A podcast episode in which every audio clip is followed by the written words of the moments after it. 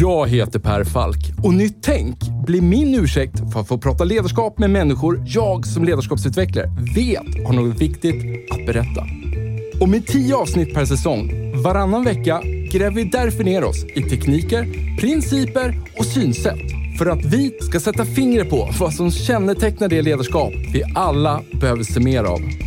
Och för att få de här samtalen att hända så har vi sponsorer. Först och främst min arbetsgivare Mindset där jag och mina kollegor tar fram både små och stora ledarskapsprogram som skapar de nya beteenden som behövs för att få er strategi att hända. Allt handlar om att noga identifiera moments that matters. Samt Promote, som är den självklara digitala plattformen för dig som vill skapa effektfulla lärresor och ett mätbart resultat i verksamheten. Och om ni vill ge era nya medarbetare en riktigt bra introduktion med en välkomnande och effektfull onboarding så tycker jag ni ska kontakta superproffsiga Induction. Ni hittar såklart länkar i avsnittsbeskrivningen. Nu hoppar vi in i samtalet och kom ihåg att det här är ett sammandrag av originalversionen. Enjoy!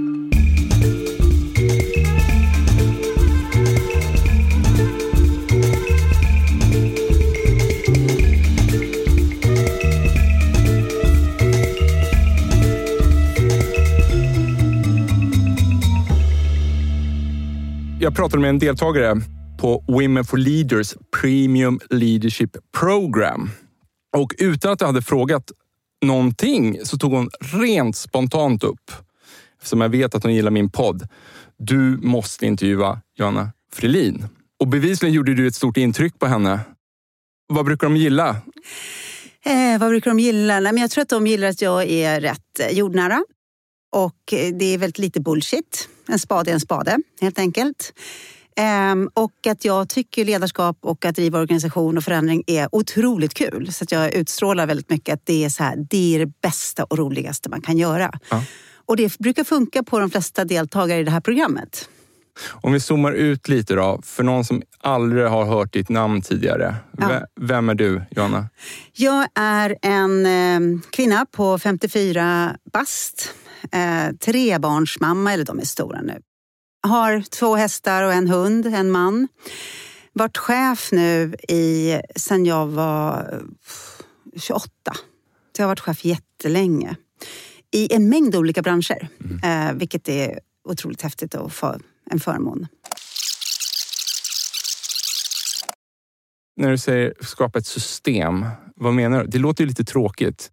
Nej, men jag tänker så här, och jag tror att det här har varit en lärprocess. Jag har ju varit chef ganska länge nu. Ja. Liksom. Jag tror att jag byggde mitt ledarskap de första tio åren kanske på väldigt mycket på mig själv som person. Mm, mm.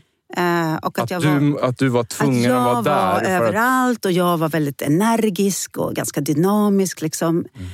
Eh, Men sen blev det så att om jag slutade, då liksom försvann mycket av de tankar som jag och ledningsgruppen kanske hade byggt upp. Mm, För de, häng, de är liksom uppkopplade på mig. mm, Jag vill göra någonting som håller över tid mm. som inte hänger på mig. Och då måste jag bygga den här kulturen och inympa den i andra personer. Så jag måste bygga den tillsammans med andra. Skapa gemensamma tankesätt. Det är då. bara gemensamt som gäller. Mm. Om jag kan göra det tillsammans med företagsledningen, vi skapar saker gemensamt, då kommer de göra det tillsammans gemensamt med sina ledningsgrupper. Som sen kommer göra det gemensamt med sina medarbetare. Mm. Och det tror jag man bygger ett, ett system. 10 000 kronors frågan då. Hur, vad, vad fasen börjar man en, en sån resa? För jag tänker så här, nu har ju du då kommit in ett gäng gånger Mm. som VD in i en organisation. Vart börjar man någonstans? Hur skapar man det här Alltså du måste börja med ditt eget team. Din, Din ledningsgrupp? ledningsgrupp, företagsledningen och styrelsen. Ehm, därför att där, det handlar om walk the talk. Mm.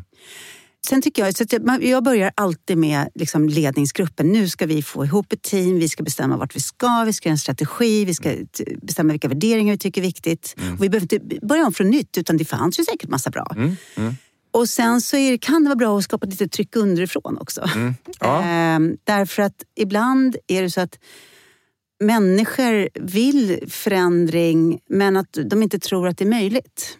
Så att också skapa ett tryck underifrån så att man åstadkommer den här förändringen tillsammans. Mm. Jag brukar ofta tänka att I stora företag så vadet blir ju ofta bestämt. Ja. Det är så strategiska frågor som tas på styrelsenivå. Ja.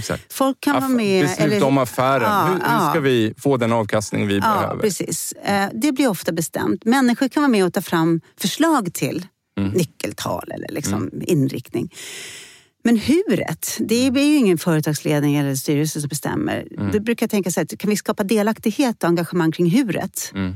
Och att inte vara liksom så här fikdemokratiska och säga så här, men ni får också vara med och bestämma vadet. För så Mm. är det oftast inte.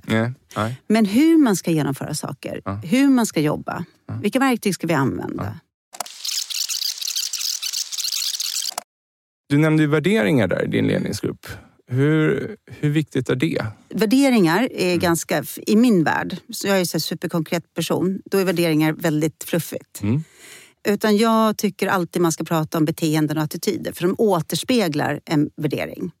Och beteenden och attityder är ju superviktigt. Och vi, I le- företagsledning till exempel, eh, på vår första teambuilding så pratade vi om ja, men hur vill vi framstå i våra medarbetares ögon. Mm. Ja, men vi vill bli omtyckta, respekterade, företagsledningen. Sådär. Ja, men hur ska vi då vara när de kommer och gör föredragningar i vårt möte? Mm. Mm. Ja, men vi ska peppa dem, vi ska inte såga en idé. Vi fattar inte beslut vi sitter när de sitter där, utan vi liksom är professionella. Vi hyllar alltid och tackar för en fin presentation. Och det är klart att då blir det är ju att leva eh, i beteendeattityder en värdering som handlar om respekt. Jag sitter här och, och tänker på, här, jag håller på just nu med en koncernledning Mm. och, eh, och en del av utvecklingssatsen där blir också att börja arbeta med en ny ledarskapsmodell. Ja, Och här då så vill ju jag att så här, vi har alla fått välja ut vad i den här ledarskapsmodellen som inte kommer fullt naturligt Ja. för respektive Ja. individ. Ja. Och jag vill också då gärna ha en viss transparens nedåt Mm. i respektive organisation i den här koncernledningen. Och jag tror att alla alla förstår ju varför den här transparensen behövs och varför man behöver ta det steget. Men även fast alla är supererfarna, jobbar på en stratosfärsnivå. Som människor så tror jag att de tycker att det är lite obehagligt. Att säga vad som inte kommer naturligt, Ja. vad man sliter med. ja. Vad skulle vara dina argument om du träffar dem? Eller ska de inte vara transparenta vad de sliter med? jättetransparenta vad de kämpar med. Eh, Det gör att de kommer framstå som människor. Och människor följer människor, inte roller. Och man kan ha olika metoder. Eh, Jag tycker det är väldigt viktigt att jag vågar vara personlig och stå för vem jag är. Och vara lite tydlig med vad man kan förvänta sig av mig men vad jag absolut aldrig kommer leverera på. Och då har jag visat det i Riksbyggen på lite olika sätt. Dels genom att första gången jag träffade styrelsen och företagsledningen och, och, och, och andra led, ledande positioner så har jag berättat mina styrkor och svagheter. Alltså jag har varit med så länge nu så jag vet dem. Och jag jobbar med dem. Men jag kommer inte överleverera på svagheterna. Nej. Men sen satt jag mig också, vi hade en chefskonferens och då satt jag i heta stolen. Och jag fick inte veta några frågor innan. Och då handlade det jättemycket om mina svagheter. Ja. Jag blir jätteimponerad av dig när Men du säger jag en sån här tycker att det är liksom... Jag blir sjukt trygg när människor vågar berätta sina svagheter och vågar be om hjälp. Ja. Det skapar tillit hos mig. Då vet jag att de har koll på sig själva. De kommer inte säga så här, jag fixar det här och sen så Nej. går det åt pipsvängen. Mm. Och då tänker jag, om jag blir trygg av att förstå Ja. vad de har för svagheter och vad de behöver hjälp med, då blir andra nog också trygga med mig om de förstår det hos mig. Ja. Har du alltid haft den insikten? Eller har det gradvis mognat fram? Nej, men jag har nog alltid bara varit sån. Mm. För jag, har, eh, jag är liksom född med en väldigt god självkänsla. Mm. Och sen så har jag liksom gjort lite teori av det efteråt, ska man säga. Har det alltid kommit dig till godo? Eh, jag, jag har ibland, nå, några gånger har jag varit lite för öppen och så har jag fått det lite som en eh, kniv i ryggen efteråt. Det, och kände att, men det var, det var framförallt, alltså, när du är VD så kanske behöver vara lite strategisk ibland kopplat till styrelse eller ägare. Mm, mm, Eh, Det kan inte vara kanske helt så fullt transparent som jag kanske var i början av mitt vd-skap. mm, mm. Om det, kulturen där för att visa sårbarhet, eh, kunna prata om sig, Mm. vad man jobbar med. Om den inte finns och du då öppnar upp, Ja. vad, vad, skulle, vad tror du reaktionen skulle kunna bli? Nej, men jag tror folk alltså jag får ju bara jättemycket kärlek när jag gör det. Ehm, och jag tycker att jag blir... Människor blir berörda och de blir förvånade. Ja. Ehm, men jag får väldigt mycket så här korridorskärlek när jag Ja. har öppnat upp och visat svaghet eller att någonting är svårt eller så. Ja. Jag tycker i företagsledningen så säger jag så här, men jag har ett dilemma, jag behöver hjälp av er. Då känner jag att de bara så spetsar öronen och Mm. skärper Mm. upp sig och bara så här, ja, vi hjälper till. Ja. Liksom. Jag förstår din, eh, vad du säger att det väcker, trygghet. Ja. Eh, alltså att det är förmodligen då en VD som inte bara springer runt och skjuter från höften och har massa grejer som vi inte känner till här. Nej, och det, så är det. Ehm, Och jag, jag är ju väldigt liksom, jag är en gruppmänniska. Mm. Alltså jag gör helst allt i grupp. Mm. Och jag är så fast övertygad om att en grupp levererar så mycket bättre än individer. Mm. Så att för mig finns liksom ett, inget alternativ. Vad är dina svagheter då? Ja, men jag är rätt slarvig, eh, rätt hafsig. Jag har ju svårt att komma ihåg siffror. Till exempel. Det var en miljard, en miljon, alltså det var ett och ty- några nollor. Typiskt dåligt som VD. Typiskt dåligt som det. Ehm, Jag tror eh, oftast... eh, För, jag är för positiv. Jag är för optimistisk. Så att det, liksom, det måste stå liksom en kris här framför näsan på mig för att jag ska se det. Eller Någon måste typ stjäla saker på jobbet för att jag ska se att de inte levererar. Ja, ja. Ehm, Så att jag behöver människor runt omkring mig som är liksom lite mer lite långsammare än vad jag är och också eh, ser verkligheten som den är och säger det. Hur kan ni prata om en sån här grej då, på Riksbyggen? Du säger ju att det här är viktigt för dig. Ja. Du känner att du, du får mycket kärlek i korridoren. Din styrelse verkar gilla den här approachen också. Mm. Men, men hur, hur sprider du det här i... eh, Tillbaks till det här, vilka beröring, liksom kontaktytor du Ja. har i din organisation. Ja, men jag försöker sprida det både via cheferna såklart men också det ska genomsyra vårt ledarprogram och vår ledarfilosofi. Jag har chefskonferenser till exempel med olika, alla chefer.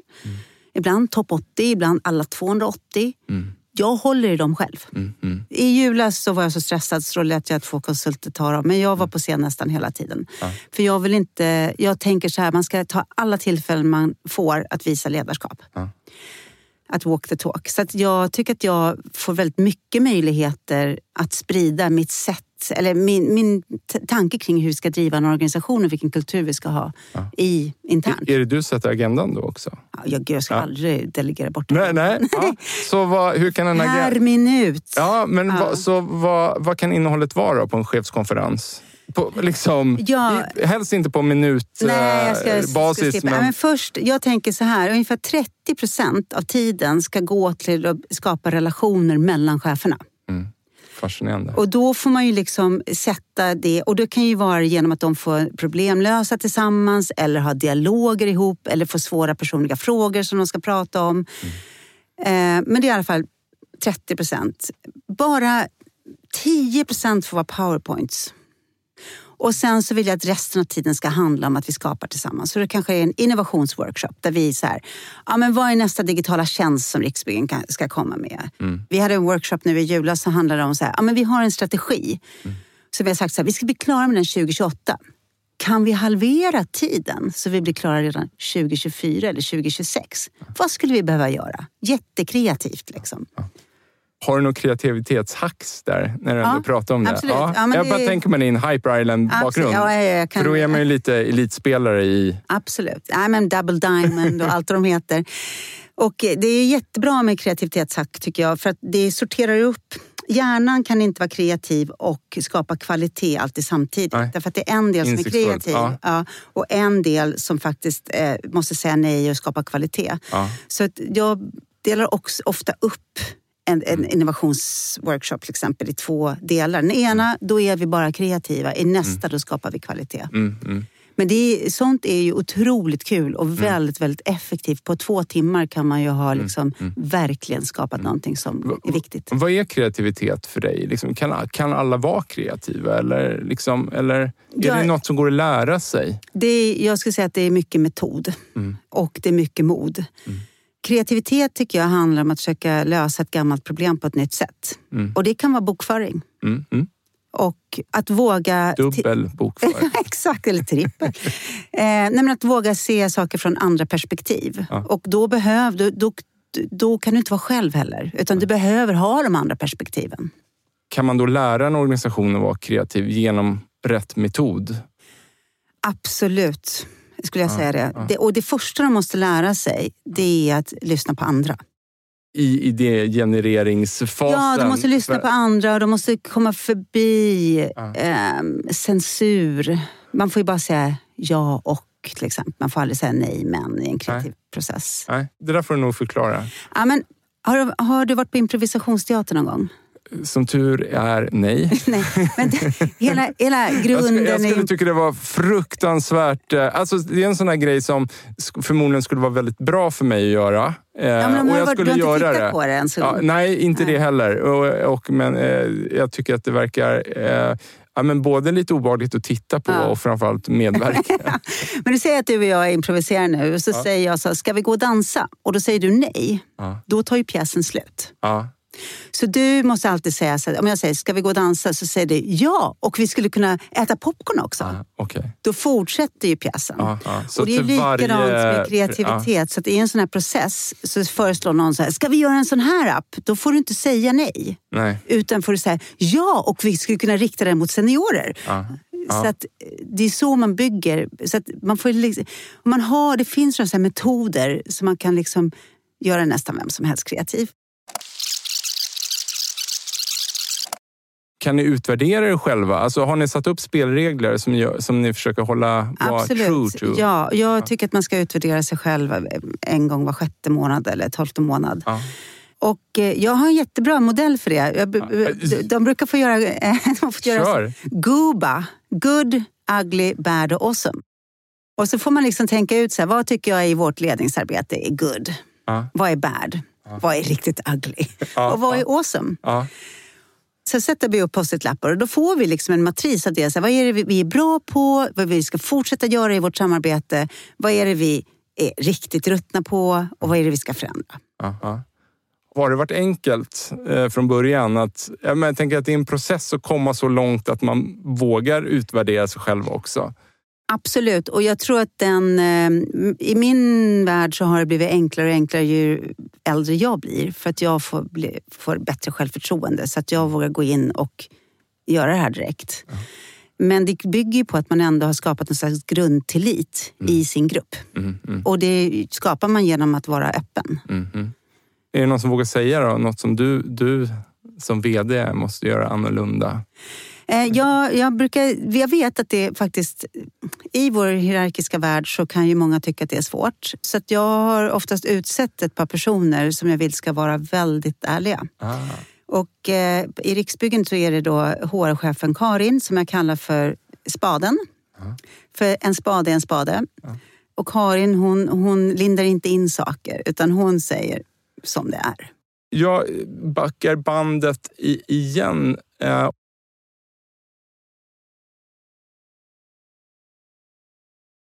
Om du skulle liksom, med det du vet idag då, spola tillbaka tiden lite för dig själv och Mm. utvärdera dig själv. Vad, vad hade du velat veta för 20 år sedan då, då som du vet idag? Ja, spännande. Vad gäller ledarskap? Råd till nya chefer. Ja, Ja. Ehm, nej, men dels ehm, så hade det varit skönt att förstå att eh, ledarskap och chefskapet inte är en sprint. Det är ett maratonlopp. Mm, Och man ska hålla länge. mm, Och att eh, det är inget, för det mesta, i de flesta fall, så står inte liv på spel. För det kan kännas så när man är ny som chef och så kände jag också. Det kändes så viktigt, ja, det jag höll på med. Men med, i per- perspektivet så var det inte viktigt och det Nej. var kanske inte bråttom heller. ja, Ehm, men ibland så tänker jag så att jag är lite bättre chef när jag inte driver hela tiden. Och jag, jag vet, min mamma sa alltid det till mig, så här, don't push the river, it flows by itself. ja, ja, Och nu kallar man sig så här, lita på processen. ja, ja. Och jag tror att jag har lärt mig att lita på processen. Att liksom så här, men om jag driver allting, då finns det liksom inte plats för någon annan att kliva fram och ta sitt ansvar. Nej, nej. Utan där kan man också backa lite ibland som chef. Ja. Ehm, Vad, vad, skulle, vad skulle det kunna vara för situation? Ja, men det skulle kunna vara eh, ja, men liksom, eh, om man eh, har en verksamhet som går dåligt och så håller man på övernitiskt och följer upp den. Ja, men nu ska vi ha Ah. veckomöten och följa upp. Jag förstår. Det gör Det att de... känslomässiga påslaget är att här måste jag gå in och följa upp ännu mer. Exakt. Ja. Men vad som händer med dem du följer upp är att de sätter sig på läktaren. För de, de tappar ju Jag själva menar. initiativet. Jag förstår precis vad du Mm. menar. Ja. Och släpper ägarskapet. Släpper ägarskapet helt och hållet och börjar leverera bara det jag vill istället för leverera faktiskt verksamheten. Ja, jag förstår. Ja. Okej, så uh, vad var, hur sammanfattar du? Vad, vad var det du sa? Vad var det du kallade det för? Att Eh, Lita på processen. lita på processen. ja. exakt. Och må, ställda mål då. Att, Ja, mm, precis. Och att, eh, men något annat som jag också har tänkt på, det var ju att eh, jag behöver inte var, finnas med överallt. Det är lätt när man som ung chef tänker att man blir nästan som en serviceorganisation för sina medarbetare. mm, Därför att man vill så gärna att bli omtyckt kanske, Eh, respekterad. Och man tänker liksom att eh, det, medarbet- det blir nästan så att medarbetarna, det är de som sätter agendan. mm, mm, Eh, och där tänker jag att det ägnade jag mig också åt de första åren, liksom, att vara lite medarbetarstyrd. Och det är väldigt lätt som mellanchef, för du sitter också väldigt nära medarbetarna. Mm, Och det tänker att det hade varit bra för mig att liksom lite tidigare förstå att jag måste själv sätta agendan. mm. Och inte låta mig styras. Och det spelar liksom, det gör ingenting om alla inte gillar mig hela tiden. Nej. Nej, det är ju också en sån där sak som efterhand...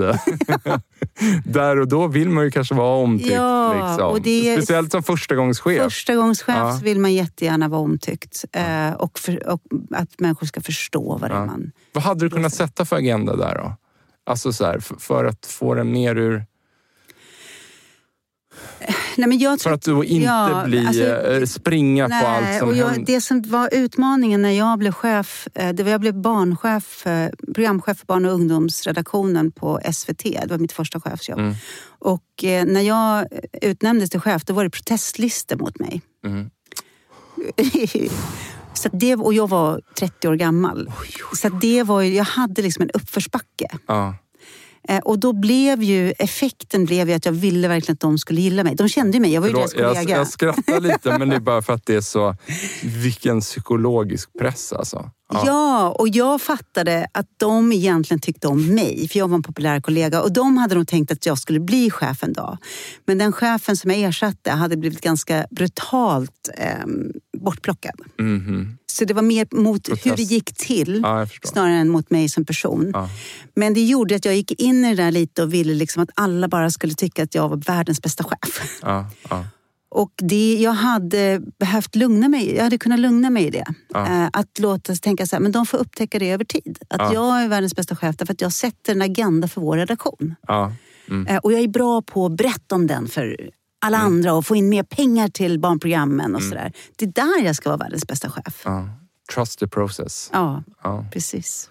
Hur fasen, alltså har någon... ehm, om man känner press på jobb, oavsett vilken nivå man är, men, man, man känner att man är ifrågasatt. Mm. Kanske för ett, ett beslut som man tagit, som, som man, men som man står bakom. Alltså att den här, den här vägen är den enda vägen. Jag, jag, jag förstår att alla inte delar den Mm. Nej. uppfattningen just nu och, och det kanske är så här, Ja. hur kan man liksom se sig själv lite från utifrån perspektiv då i det här? Alltså, att ta kontrollen eh, över det här, att inte kämpa för att bli omtyckt. Liksom.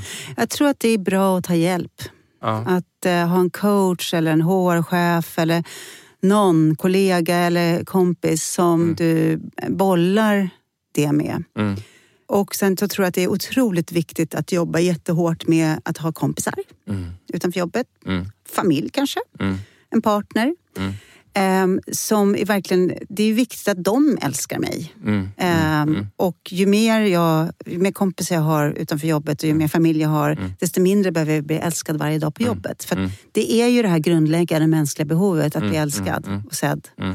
Mm. Men det får man liksom fylla på jättemycket utanför jobbet då. Jag nämnde ju här eh, innan vi började spela in att jag, jag är en av Sveriges få introverta ledarskapskonsulter. Då, så jag säger det med lite glimten i ögat för att jag kan också liksom vara transparent och, och prata om sådana saker. Och oftast när jag står framför grupp så eh, har man lite svårt att ta in det. Liksom. För jag går in samtidigt i en roll. Eh, för, men det är också i en roll jag älskar att göra Ja. för att jag har passion kring det här ämnet. Men just vad gäller så att när man har små barn hemma, man kanske träffar sina kompisar mindre och mindre. Men jag tror jag har varit inne på det i något annat avsnitt också. Att eh, de få gånger man träffar sina kompisar Mm. så slås jag av varje gång hur jäkla viktigt det är. Ja. Och hur man laddar batterierna där. Även om man inte gör någonting. Eh, Ja. Liksom, man kanske äter en middag, man Ja. tar en promenad, man tränar tillsammans. Och varje gång lovar jag mig att det här måste jag göra oftare. liksom. Eh, Ja, du, du behöver inte säga någonting. Det var Nej. bara allmän Ja. reflektion. Jag, jag, blir så här, jag blir överraskad Ja. varje gång Ja. hur, hur viktigt det är. på något sätt. Det är som att jag aldrig riktigt lär mig. Nej. Eh, Nej, och det, alltså livet är kort och det är, där, det är inte en sprint. Mm. Det är ett maraton. Mm. Vill du lä- lägga till något mer eh, råd till ditt eget yngre jag? en Mitt eget yngre jag. Ja. Ehm, alltså jag eh, gjorde ju någonting eh, riktigt eh, modigt mina första tre månader Mm. ehm, som jag eh, sen hängdes ut i pressen för i, i Aftonbladet i flera dagar. Ja. När jag började på SVT så som chef, då skulle jag eh, vara med i ett uppdrag och byta ut eh, eh, skådespelare i björnekostymen. Ah. Ja. Och eh, det gjorde jag, eh, såklart.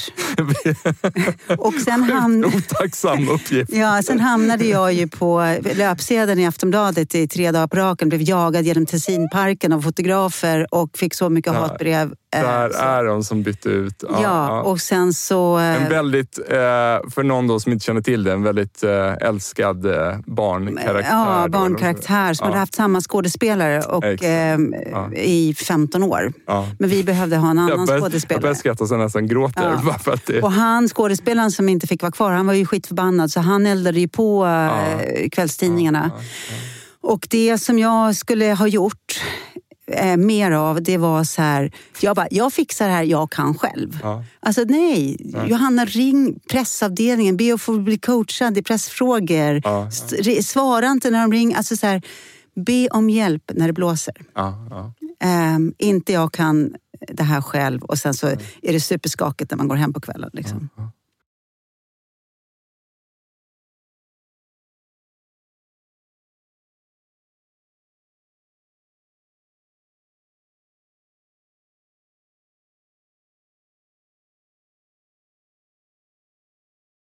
Är man en doer, som många chefer är, Ja. att man bara pang på direkt. Liksom. Ja. Istället för sitt ner i fem minuter, prata med din närmaste person som du vet är klok och lugn. Ja. Och så här, hur hanterar vi det här? Ja. Då tror jag säkert någon hade kommit på, ja, men du lämnar din telefon till eh, vår kommunikationsavdelning. Ja. De silar journalisterna till dig. Ja. Och de preppar dig innan du svarar. Det borde ha funnits proffshjälp på SVT där också. Det fanns det ju. Ja. Ja. Eh, Jag brukar också säga, bara en grej som, som jag använder mig av är att om man känner att det är någonting som man inte är... Jag ställer rätt höga krav på mig själv. Liksom. Eh, ibland för höga krav. Och, men om det är något jag inte är riktigt nöjd med så försöker jag liksom bara tänka tillbaka. Ja, men så här, men vänta, vi spolar tillbaka tiden här. Så här givet situationen, givet eh, resurserna Ja. som fanns. Eh, hade det här gått att lösa på, på ett annat sätt? Oftast är ju svaret så här, nej. Nej. Eh, och, och då omedelbart kan känslan försvinna för mig. Ja, liksom. jag kan bara lägga det åt sidan. Ja. Men jag måste liksom påminna mig att göra den här tankeloopen i huvudet. Ja. Vi har ju berört det här, vi, vi har kommit in på workshops flera gånger under samtalet Mm. här. Är det, någon, liksom, är det någon mer kring workshops? Om man ska vara, bli grym på det, vad tycker du att man ska beakta? Och, och finns det någon särskild workshop som är liksom din, f- liksom, du är någon favorit här? Du, du har ju nämnt lite, flera här egentligen. Vi pratat lite om kreativitet, vi har pratat om, vad, vad var du kallade den för? eh, Det här? Double diamond, eller? Nej, nej, men den utvärderar ledningsgruppen. Goba. Goba. Exakt. Ehm, ja, men, workshops är ju inte någonting man har för att det är kul. Utan workshop har man ju för att det är ett effektivare sätt att nå målen. Alltså jag är supermåldriven. Och det är en metod för att du ganska snabbt ska kunna få olika perspektiv. Så ska du hålla en workshop så måste du vara väldigt tydligt på vad är det workshopen ska lösa. Vad är det för fråga som ska lösas? Vad är det för utmaningar som ska hanteras? Och sen tar det lika lång tid att förbereda workshopen som att faktiskt ha den. Så det är ingenting man bara går in och kör. Nej, nej. För då blir det dålig kvalitet. Då blir det så här snackeklubb och så blir det inte en workshop. Ja, utan ja. det blir folk som snackar och skriver saker på post-itar.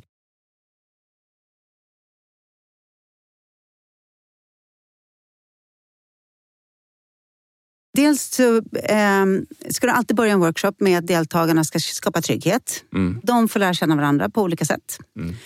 Eh, En incheckning, typ. Mm.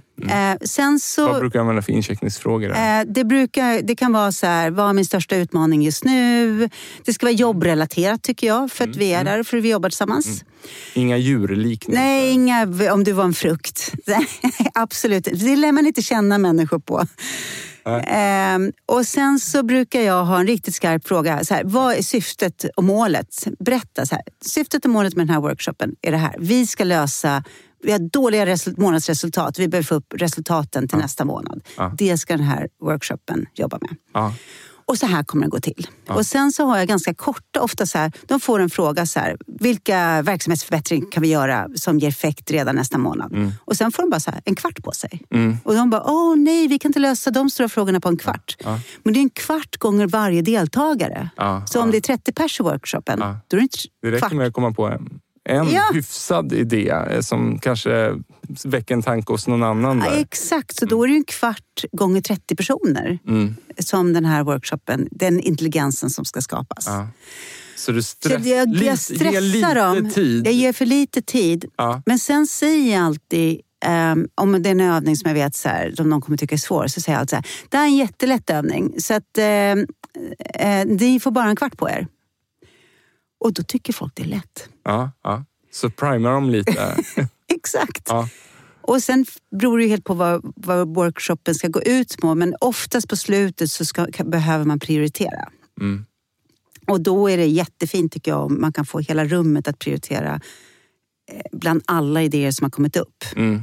Då kan man till exempel hänga upp på väggen så får man sätta kryss vil- vilka man tror är effektivast. Eller Ja, ja. Man kan sätta upp dem i en matris, lätt Ja. att genomföra, ge snabb effekt eller svårt Ja. att genomföra, ge långsamt effekt. Ja. Så att man kommer ut från en workshop med kanske fem bullets bara. Så att det inte blir bara en jättestor önskelista. Ja. Hur, eh, jag tänker så här, eh, vissa kommer ju vara lite mer dominerande än andra i den här Mm. eh, diskussionen och idégenereringen. Och det är kanonbra att prata lite spelregler innan i din grupp. Eller så sätt som workshopledare kan du sätta upp spelregler. Att det handlar om aktivt lyssnande till exempel. Mm. Mm. Och att se till att alla pratar.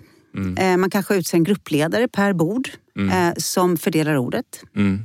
eh, Som ser till att alla kommer till tals. Sen finns ju något som kan störa en workshop väldigt mycket. Det är om det är för många personer med för mycket käpphästar. Ja. Och vad, vad menar du med käpphästar? Ja, här- alltså att man har eh, alltså, så- saker man alltid men kommer jobb- dragandes ja, med. alltså man alltid, liksom. om till Ja. exempel, du har en workshop om hur vi ska digitalisera en, jag, är en under, jag är kundprocess. underbemannad. Ja, exakt. Eller liksom, vi ska digitalisera en kundprocess och då är det alltid någon som säger vi måste tänka på de gamla, de är inte digitala. Nej. Och då, skulle man, då kan man ha lite försnack liksom så här, om, om så här, men vad är det för någonting vi inte får glömma bort? Nej. Vad är det som är viktiga saker som vi inte får glömma bort? Ja. Men då skriver vi upp de här och sätter Ja, vi upp dem ja, i ett stort papper. Så här, vi, får tänk, vi får inte glömma de gamla eller vi är ändå underbemannade. Och då är det som om de här käpphästarna inte behöver sägas. Nej, okej. Man lyfter fram dem och lägger på bordet och kanske petar dem från Jag bordet. tror du säger man lurar dem. Nej, exakt. Ja, för att det är väldigt tjatigt om man sitter i en workshop och någon säger men vi är så underbemannade hela tiden. Alltså det Ja. för inte heller Nej. workshopen framåt. Nej, okej. Och du var inne på det här tidigare också, att man eh, ehm, även där då försöker att inte säga nej, antar jag, på andras resonemang. Absolut. Eller? Ja. Utan försöka bygga på andras idéer snarare än att såga dem. Mm, mm. En jättekonstigt exempel. Har, har, um, hur gamla är dina barn? Mina barn är 28, 23 och 18. Ja, då såg de förmodligen inte Lego Masters på tv här. Eh, Nej, nej de är, alltså, de är- man ska inte kalla mina barn barn. Jag förstår det. Mm. Och, eh, men vet du vad Lego Masters är för någonting? Nej. Nej, okej. Äh, men okej, så här då. Eh, för eh, mina barn älskar Lego Masters eh, och det är egentligen en reality show men där är en massa legobyggare Ja. som har det som verkligen Okej. hobby att bygga eh, lego. Och man sätter ihop dem och varje program så får de en utmaning att ni ska bygga en, eh, tivoli till exempel. Ja. Eller, och de här utmaningarna blir svårare och svårare och sen så får de viss tid, de bygger och bygger och sen så blir de bedömda av en gäst. Men det jag ska komma till, och barnen gillar att titta på det här och jag sitter med. Jag tycker det är lite kul att kolla på. Men det var en gång jag hajade till. Mm. Och det var när man började bygga på någonting, men sen så roterades allting. Mm. Så att jag fick ta över ditt ja, legobygge och du, mm. du, du, tog över mitt, ja. fast i en större mm. skala. Ja. Och slutresultatet, alltså man kom längre mm. eh, när man tittade på hur alla mm. byggen hade gått. Det, det var verkligen så här, wow, så här, mm. det ligger någonting här. För plötsligt så tar man över någonting och man börjar bygga en helt annan riktning ja. än, än vad det, de, det första paret, ja. man bygger i par nämligen. Ja. Det är ju en metod som kallas för World Café. Ah. Eh, och den kan man använda också eh, i workshopformat. Att grupper, det är fyra olika ämnen kanske och grupperna går runt men en sitter kvar. Ah, okay. Och så bygger man vidare på vad de andra har sagt. Ah. Då blir slutresultatet blir otroligt mycket bättre. Ah. Stort tack för att ja. du kom Johanna. Tack så mycket, det var jättekul. Alltså, jag är så glad att jag stannade. Jaha, ja, men vad, vad bra. Det var så himla bra. Vad kul, vilken rolig podd. Åh oh, herregud, ja. ni känner inte av värmen här inne eller? alltså, det... Jag håller god min. Hörni, tack till våra sponsorer Mindset, Promote samt Induction för att ni tror på den här produktionen. Ta hand om er.